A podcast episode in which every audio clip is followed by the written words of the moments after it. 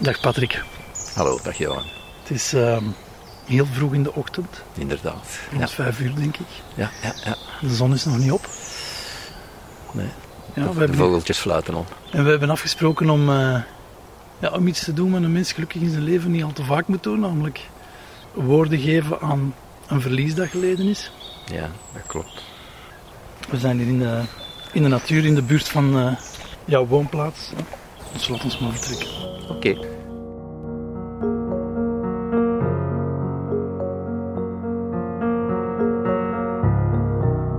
Tijden van oversterfte, van overlijdens als getallen in een dagelijkse persconferentie, van maximum 15 personen op een uitvaart.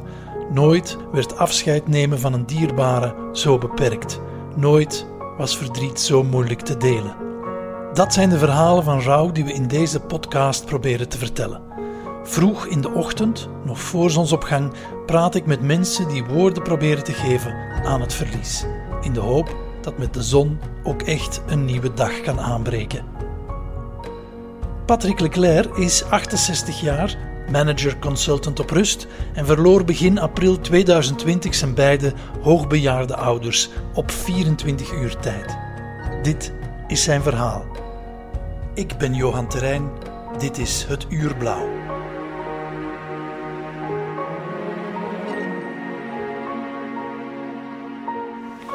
Patrick, kan je me eens vertellen wat er precies is gebeurd begin april? Wel, uh, mijn uh, beide ouders, nou, hoogbejaard zou je zeggen. Uh, mijn mama 90 jaar, 93 pardon, mijn papa 90 jaar. Mama ja, die ging de laatste tijd wel achteruit. het was eigenlijk een voortschrijdende dementie. waardoor dat ze eigenlijk sinds begin dit jaar minder en minder at. Hmm. Dus we zagen die letterlijk voor onze ogen weg, uh, wegkwijnen. Ik denk dat ze op het laatste misschien nog ja, 30, 35 kilo moet gewogen hebben. Terwijl dat altijd een heel struise madame was geweest. Dus uh, ja, afgelopen anderhalve maand, twee maand, beseften we wel dat dat niet meer erg lang kon duren. Mm -hmm. mijn vader, ze hadden een serviceflat. Uh, die zorgde voor haar, die uh, kookte elke dag, die ging zelf boodschappen doen. Maar op den duur kon hij dat niet meer aan om voor haar te blijven zorgen. En ja, begin maart heeft hij besloten om ze te laten opnemen in een kamer apart. En ja, dan is er de lockdown gekomen. Uh, waardoor ik ze niet meer kon bezoeken. Mijn vader ook niet meer naar buiten mocht om zijn boodschappen te doen. En hij, ja, bezocht de kamer van mijn moeder, denk ik, minstens drie keer per dag. Tot hij op een bepaalde dag uh, zei aan de telefoon, hij klonk wat schor, hij zei ja, ik heb een verkoudheid. En de volgende dag was het een zware verkoudheid. Enfin, om een lang verhaal kort te maken, oh, hij begon koorts te ontwikkelen. Is mijn vader dan uiteindelijk uh, in allerijl moeten afgevoerd worden naar het ziekenhuis. Uh, waar heel snel bleek dat hij inderdaad uh, COVID-19 besmet was. Passeerde langs intensieve zorgen, maar werd dan de dag nadien al verplaatst naar de geriatrische afdeling. om voldoende plaats te maken in de intensive care. Mm. Ik belde ook ja, twee, soms drie keer per dag met hem. En uh, hij verraste mij, want hij zei: Je moet goed luisteren. Hij had wel moeite om te spreken, hij had een beetje ademnood. Uh, hier zijn de instructies voor de begrafenis van mama. Ik zeg: Ja, maar papa, mama is er nog, hè? Ze, is, ja. uh, ze leeft nog. Hè? Ja, ja, zegt hij, maar ik heb maar één kans om wat te zeggen, dus noteert wat ik zeg. Hij gaf instructies, welke begrafenisondernemer enzovoort. Tijdens dat telefoontje werd op de andere lijn gebeld en kregen we het bericht dat mama overleden was terwijl ik hem aan de lijn had. Ik heb hem dat toen niet onmiddellijk kunnen zeggen. Ik durf niet goed, ik wist niet hoe dat ik hem dat moest zeggen.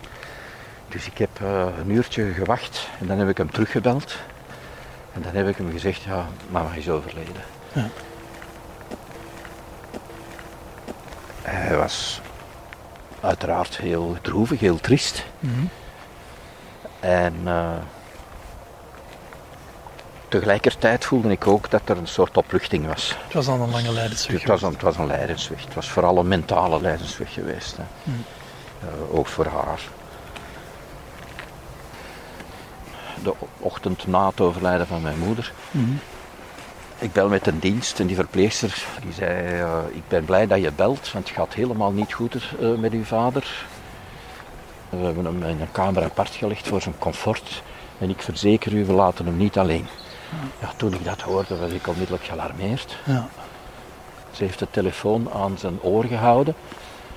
En ik, heb, uh, ik hoorde hem snakken naar adem. Hij, had een maximum zuurstof toegediend gekregen, maar uh, dat hielp niet meer. Hij was daar echt letterlijk aan het stikken. En ik heb toen gewoon in die telefoon geroepen van blijf vechten, houd vol, we, we duimen voor jou. En hij heeft nog wat gezegd, maar ik heb het niet meer begrepen, omdat hij zo'n zo'n zuurstofmasker op had. En we hebben de telefoon ingelegd dan en een uur nadien eh, heeft men gebeld dat mijn vader ook overleden was. Ja. Dus ja, op de kop 24 eh, uur na, na mijn moeder.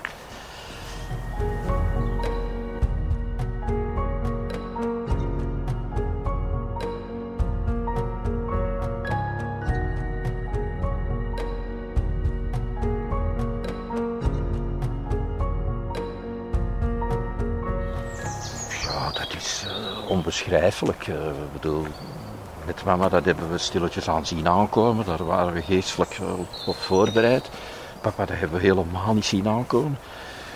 Een week voordat hij stierf, uh, was hij nog ongelooflijk vitaal. Het laatste echte gesprek dat je met hem hebt gehad, heeft hij eigenlijk instructies gegeven ja. voor de begrafenis van je moeder. Ja, ja, ja.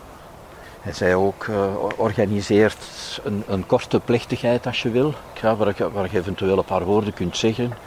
En uh, nadien onmiddellijk asverstrooiing op het kerkhof.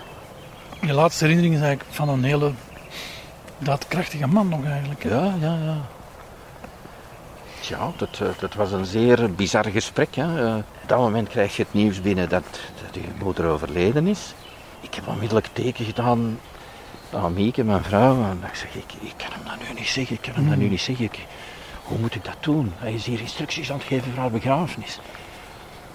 En dan heb ik afscheid van hem genomen en uh, ik zeg, ik zal straks nog wel eens terug bij. Ja. En dan heb ik één of twee uurtjes gewacht om mij geestelijk een beetje voor te bereiden van ja. met welke woorden ga ik hem dat zeggen. Die gelijktijdigheid is wel opmerkelijk, hè, Patrick? Ja. Wat doet dat met jou? Of wat betekent dat voor jou? Of zou het kunnen gaan betekenen? Dat is natuurlijk de vraag. Dat is de, de beste vraag die, die men zich kan stellen. De enige relevante, denk ik, eerlijk gezegd. Het antwoord is helaas niet zo simpel. Ik heb me wel ingebeeld dat die geen tien jaar meer gingen leven. Dan toch, hè. je verliest je, je moeder of je vader, je verliest die maar één keer. Hè. Mhm. En dat zijn de mensen, de, eigenlijk de enige mensen die je vanaf dag één van je bestaan hebt gekend. Ja. En die zijn nu weg. Dus uh, dat op zich is al een, uh, een, schok, een emotionele schok.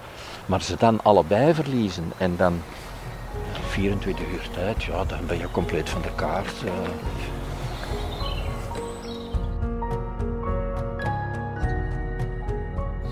Je hebt dan dat afscheid moeten organiseren. Ja. Moest je dat alleen doen? Ja, eigenlijk wel. Ja. Ik ben uh, enig kind. Ja. Dus ik had geen broers of zusters om op terug te vallen. Maar, dus ik heb het inderdaad alleen gedaan.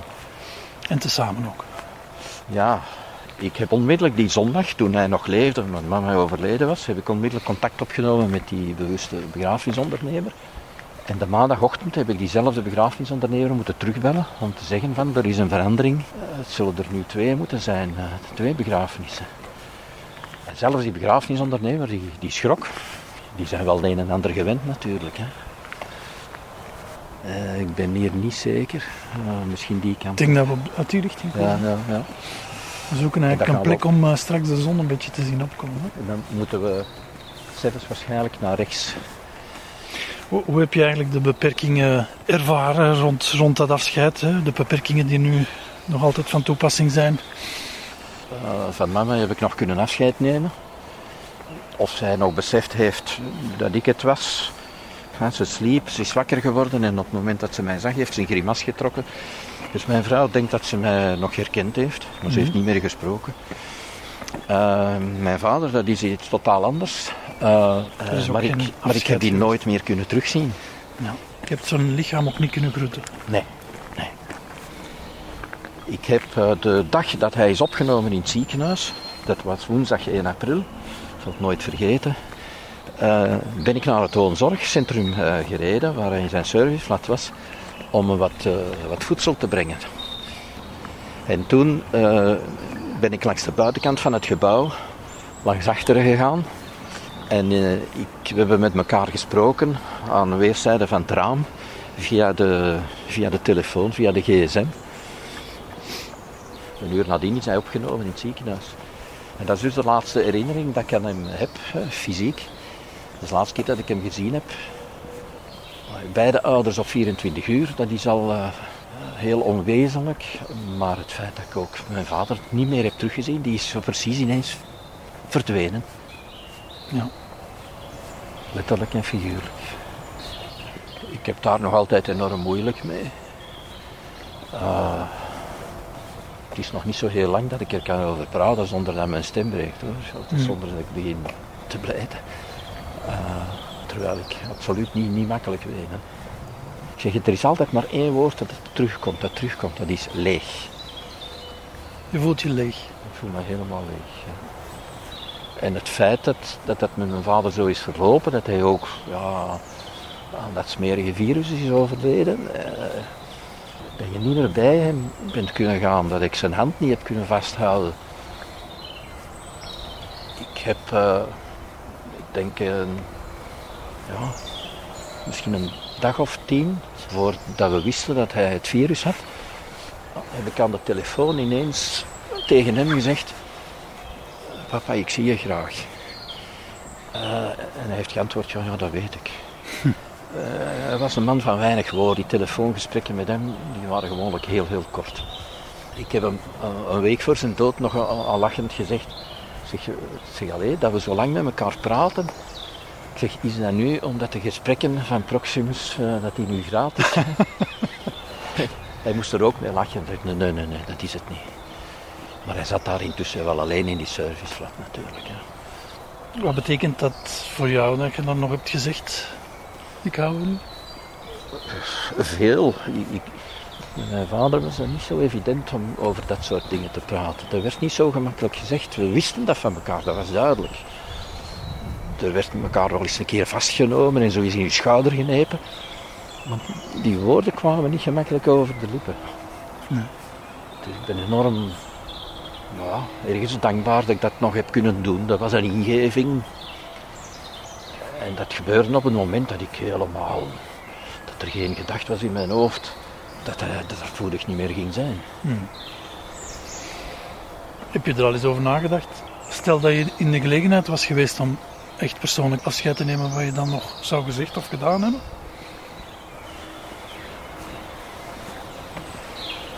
Tja, ik, eh, ik zou ongetwijfeld meer dan eens herhaald hebben eh, dat ik hem graag zag.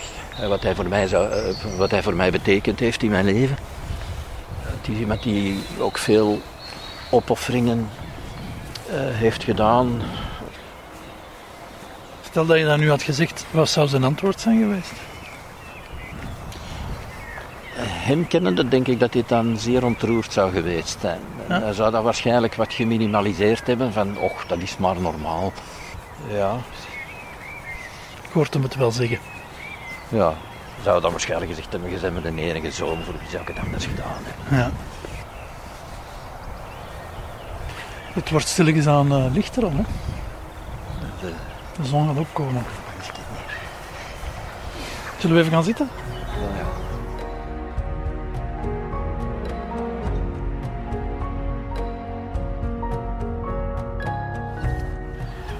Heb je het gevoel dat de nieuwe realiteit al is doorgedrongen? Dat staat mij nog te wachten. Die flat, waar mijn vader dan nog, eh, tot de dag van zijn opname eh, in leven, die ligt daar nog altijd bij zoals hij hem heeft achtergelaten. Ik mag daar nu nog steeds niet binnen omwille van de lockdown. En dat is ook een stuk wat er ontbreekt in het afsluit eh, van die periode. Dat staat mij nog te wachten en dat zit ook wel constant in mijn achterhoofd. En ik ga, ik ga het daar aantreffen zoals hij het onverwachts heeft achtergelaten. Hè. Ja. Bij wijze van spreken ga ik daar nog een, een kop met verschaalde koffie terugvinden of zo. Hè. Ja, dat gaat heel moeilijk zijn, dat weet ik. Ja. Een belangrijk moment om Ja. de realiteit onder ogen te zien. Ja, absoluut. Ja. Het gaat zeer belangrijk zijn, maar het gaat ook zeer ingrijpend zijn. Dat gaat emotioneel heel moeilijk zijn, dat weet ik. Maar ja, dat moet gebeuren. Hè. Heb je nu in die maandtijd een evolutie waargenomen in, in gerouwd? Ja, zoals ik daarnet zei, ik kan, ik kan er nu over praten, maar dat gevoel van leegte, dat blijft. Ik heb zo de indruk dat ik dat nooit meer ga kwijtraken. Wat zou die leegte misschien terug kunnen vullen? Goh. Ik denk als de, die hele coronacrisis, als we op een dag kunnen zeggen, dat is nu definitief voorbij en dat is een, een kwade herinnering. Ehm, mijn oudste dochter eh, is opnieuw zwanger. Als dat kindje er zal zijn, eh, later dit jaar. En als we dan hopelijk tegen die tijd eh, ja, dat kindje kunnen zien en vastnemen. Dat er terug eh, een nieuw leven in de familie komt. Misschien dat dat wel zou helpen, ja. Maar daar ben ik zeker van dat dat zou helpen. Ja, dat is de cyclus van het leven. Hè. Dat is, eh, men gaat dood en er komt nieuw leven. eh, achter u, na u.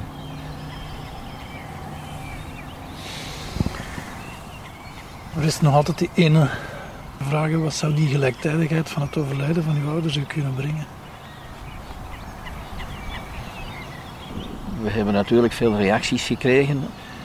En wat dan vaak gezegd werd door die mensen is van... eh, het is misschien een troost, Patrick, dat, eh, dat ze eigenlijk samen zijn kunnen gaan. De ene heeft niet lang moeten leven zonder de anderen.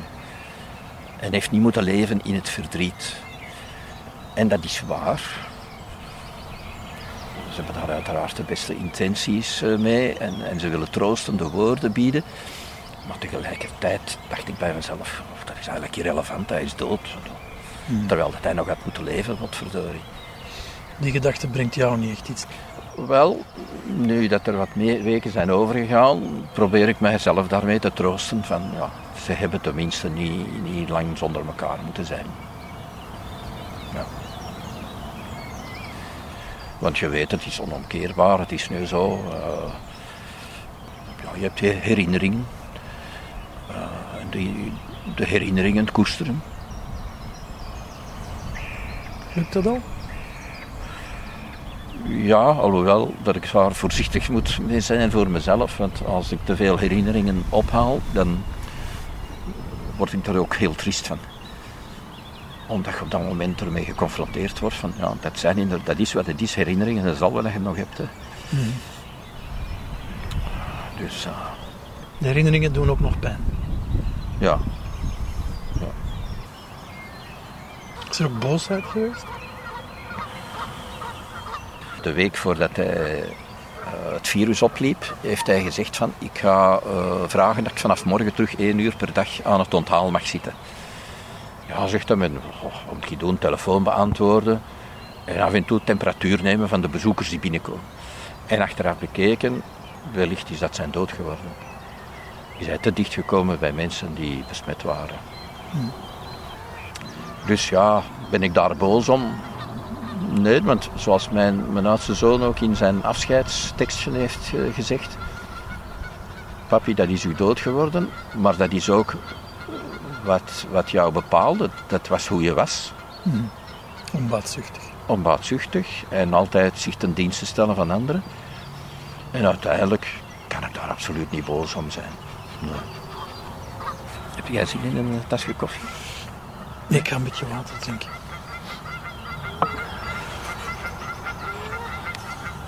Heb je de afgelopen maand al afgevraagd waar je ouders nu zijn of in welke hoedanigheid? Die zijn weg. Die zijn weg. Die zijn er niet meer. Ja. Ik, ik geloof niet in een, eh, in een, eh, een bestaan eh, na de dood. Eh, ze zijn hier in, uh, ze zitten voor een stuk in mij. Hè. Ik kom uit hen. Uh, mm-hmm. Dus ze zitten in mij. Uh, ze zitten in, in mijn kinderen, in hun kleinkinderen en in hun achterkleinkinderen. Ze zitten in de herinneringen, dus wat dat betreft zijn, ze, zijn ze zeer aanwezig. Maar als ze in je hoofd en in je hart zitten, ja. dan kun je er in principe ook nog mee spreken. Ja. Ja. Er staat op een, uh, ja, buffetkast zal ik dan maar noemen, in onze living staat een, uh, een mooie foto van hen beiden. Er staan nog ja, de tientallen uh, rouwkaarsjes rond. En s'avonds steek ik een kaarsje aan. en af en toe zeg ik dan van mama, papa, dat is voor jullie. verder zijn die gesprekken nog niet gegaan. Het zijn ook geen gesprekken. Het zijn nog geen dialogen. Het zijn geen dialogen.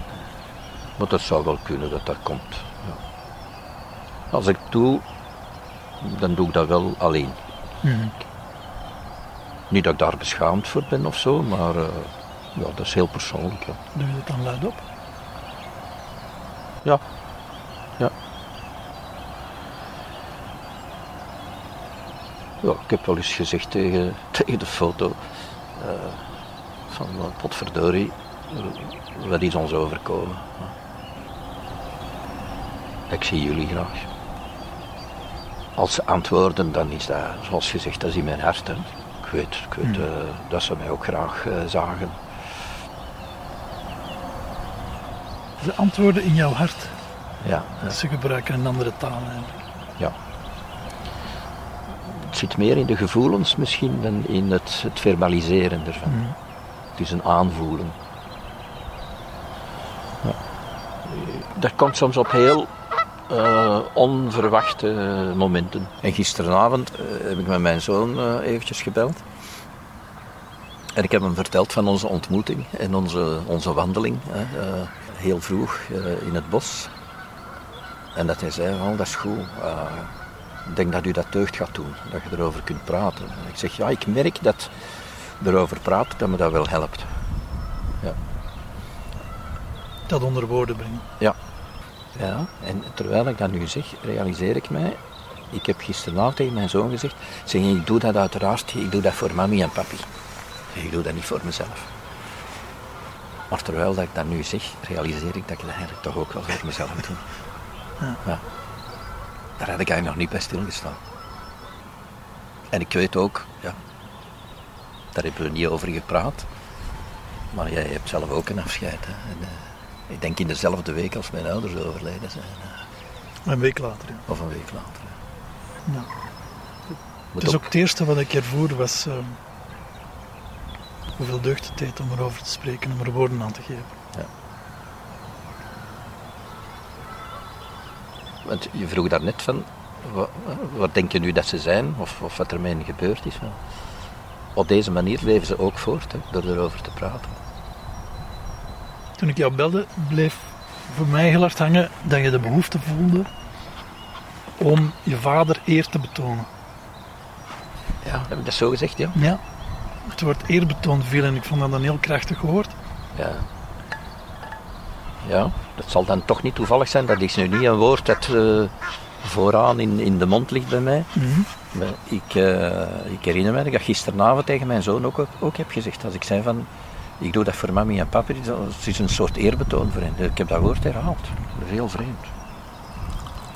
Welke eer wil je hem precies betonen? Dat dat uh, mooie, liefdevolle mensen zijn geweest goede ouders.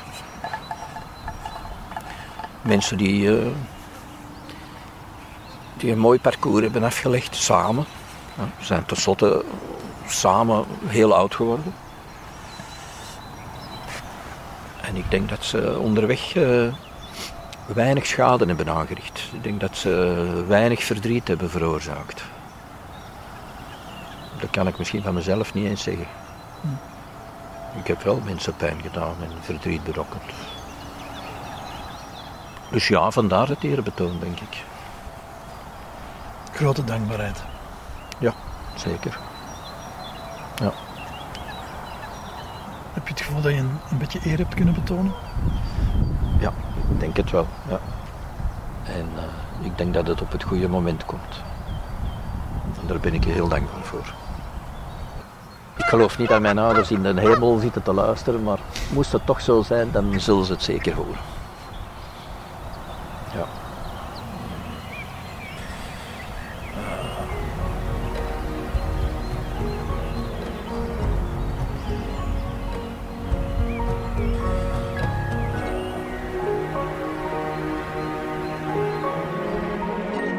Jij ook je verhaal kwijt aan het Uur Blauw? Laat een bericht achter op www.johanterrein.com.